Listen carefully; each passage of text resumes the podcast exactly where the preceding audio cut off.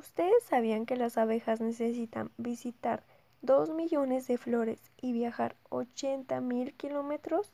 Que es lo mismo que darle la vuelta al mundo dos veces, para recolectar 2 kilos de miel.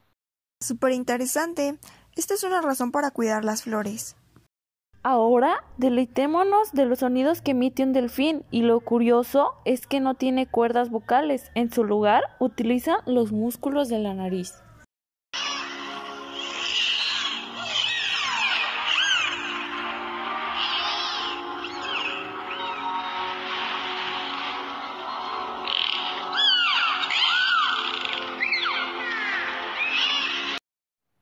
Chicas, esto se ha terminado.